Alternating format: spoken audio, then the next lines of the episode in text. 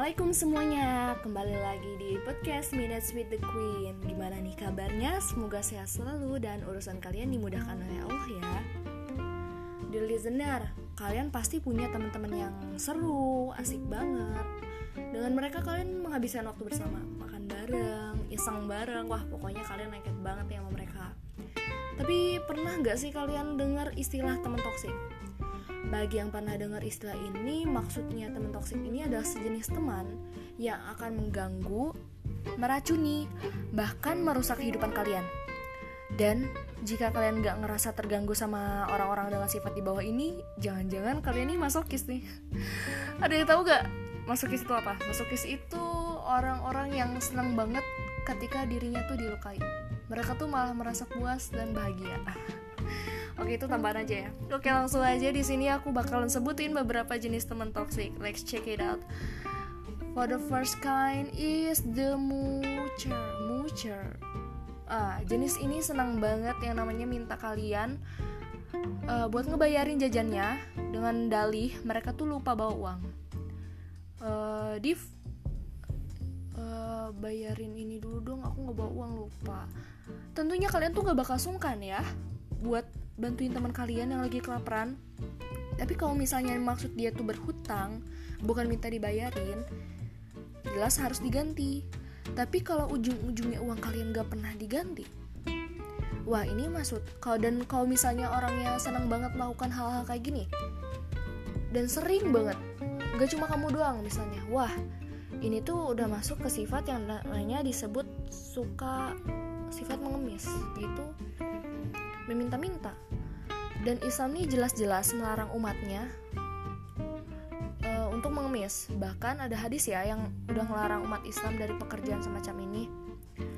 Uh, di sahabat di zaman sahabat Nabi juga ada seorang sahabat Nabi yang menyatakan bahwa mencari sepotong dua potong kayu bakar untuk dijual itu tuh lebih berharga dan lebih mulia daripada mengemis atau meminta-minta di jalan. Dan kalau sifat pengemis di orang Indonesia ini maaf nggak tahu malu ya. Mereka tuh uh, berani aja gitu ya minta-minta di jalan. Berani untuk unjukin diri mereka. Kalau di Arab tuh ada pengemis. Di Arab tuh ada pengemis cuma mereka tuh nggak berani unjukin diri mereka. Karena apa? Mereka tuh masih punya malu. Kalau di Indonesia mereka berani unjukin sekasih uh, bahwa mereka tuh layak untuk dikasihani. Padahal ujung-ujungnya mereka tuh punya uh, ada koordinatornya lah ada jadi kayak mereka tuh harus bikin setoran segala macam gitu gitu jadi udah ada undang-undang juga di Indonesia nih kan. Aduh kok malah sampai sana sana ya udah pokoknya uh, kalau kalian niatnya uh, sedekah sedekah ke lembaga sosial yang sudah jelas. Dan uh, tipe-tipe teman kayak gini tuh wah jangan-jangan. Ya udah lanjut aja ya Uh, the second type is the cry baby. Mereka tuh suka banget mengeluh dan terus-menerus sedih dan merasa kecewa. Tapi mereka ini nggak melakukan apa pun untuk merubah nasibnya. Orang-orang jenis ini tuh sering banget melakukan playing victim. Seakan-akan mereka, diri mereka korbannya misalnya. Dan seakan-akan mereka emang terus jadi korban padahal masih banyak orang lain lagi yang jadi korban dan masih banyak orang yang bisa bangkit dari suatu nasib yang tidak baik itu dan terus-menerus berlarut dalam kesedihan dan menerima aura negatif dari sambatan mereka nih bisa berpengaruh buruk terhadap kesehatan mental dan psikologis kita. Jadi baik bagi kita tuh untuk menjauhi orang-orang yang kerjanya tuh nyambat, nangis, kalau nyambat nangis tuh boleh-boleh aja mengeluh itu sering boleh-boleh aja. Tapi kalau misalnya everyday every time ada aja sambatannya ada aja keluhannya wah kamu harus jauhi banget deh orang-orang kayak gini. Oke okay, for the third type is the stagnant. Orang-orang ini tuh jenis ini seneng banget yang namanya diam di zona nyaman. Berpikirnya jangka pendek dan hanya memikirkan nafsu kesenangan pribadi dan biasanya mereka ini nyinyirin orang-orang yang ambisius. Kenapa? Karena mereka ini nggak suka bercita-cita tinggi. Karena mereka juga tidak rela meninggalkan zona nyaman mereka. Tapi ada juga sebagian dari mereka yang merespon uh, dengan baik uh, for the example kayak gini uh, dialognya aku cerita ke teman-teman aku aku mau kuliah di sini aku mau kuliah di sini aku mau jadi dokter aku mau jadi pilot dan lain-lain lain-lain lain ada dua respon dari dua orang dari dua jenis orang stagnan ini. Ada yang gak suka ujungnya bakal nyinyir. Dan ini bakal bakal agak sedikit atau mungkin sangat menjatuhkan impian kamu. Terus tipe yang kedua ini masih positif. Oh iya bagus kamu punya mimpi kayak gitu keren. Uh, kalau aku sendiri sih yang not too much lah ya yang realistis aja lah. Nah biasanya mereka nih uh, masih menganggap wah kamu bagus boleh bermimpi kayak gitu tapi kayaknya aku mah gini-gini aja lah. Gitu. Nah kalau kayak gini kamu bakal lama-lama ketularan untuk nyaman sama zona nyaman. Dan kamu kalau misalnya udah ikut udah ketularan sifat mereka kamu ini jadi orang yang uh, lama-lama pesimis sama ambisi dan malas untuk berusaha menggapai cita-cita. Kemudian yang keempat ada si mulut kotor dan gosiper. Orang-orang dengan jenis, jenis toksik kayak gini tuh paling banyak dan mereka ini sangat berbahaya karena mereka ini nggak bisa yang namanya mencegah diri dari tergelincir ringan da dari tergelincir lisan. Maka kita harus ingat untuk berkata baik atau diam.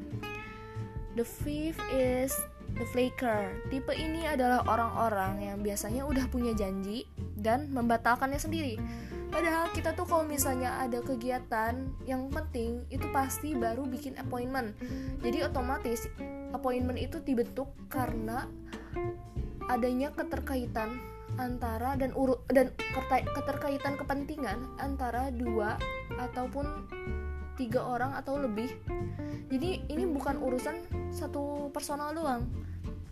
Jadi dia bakal merugikan uh, orang banyak dan pasti nyebelin banget ya ketika kalian punya teman yang udah janjian kita sudah di titik pertemuan tapi dia batalin janji tiba-tiba atau juga dan jenis ini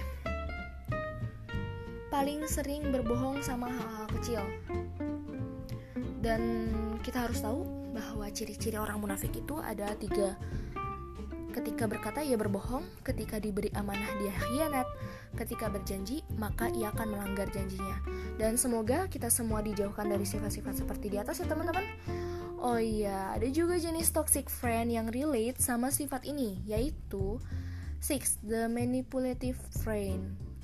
Jenis ini dia akan berpura-pura jadi temanmu, padahal dia mungkin saja membencimu. Dia hanya ingin menjadi teman sampai apa yang diinginkan dari dirimu akan ia renggut.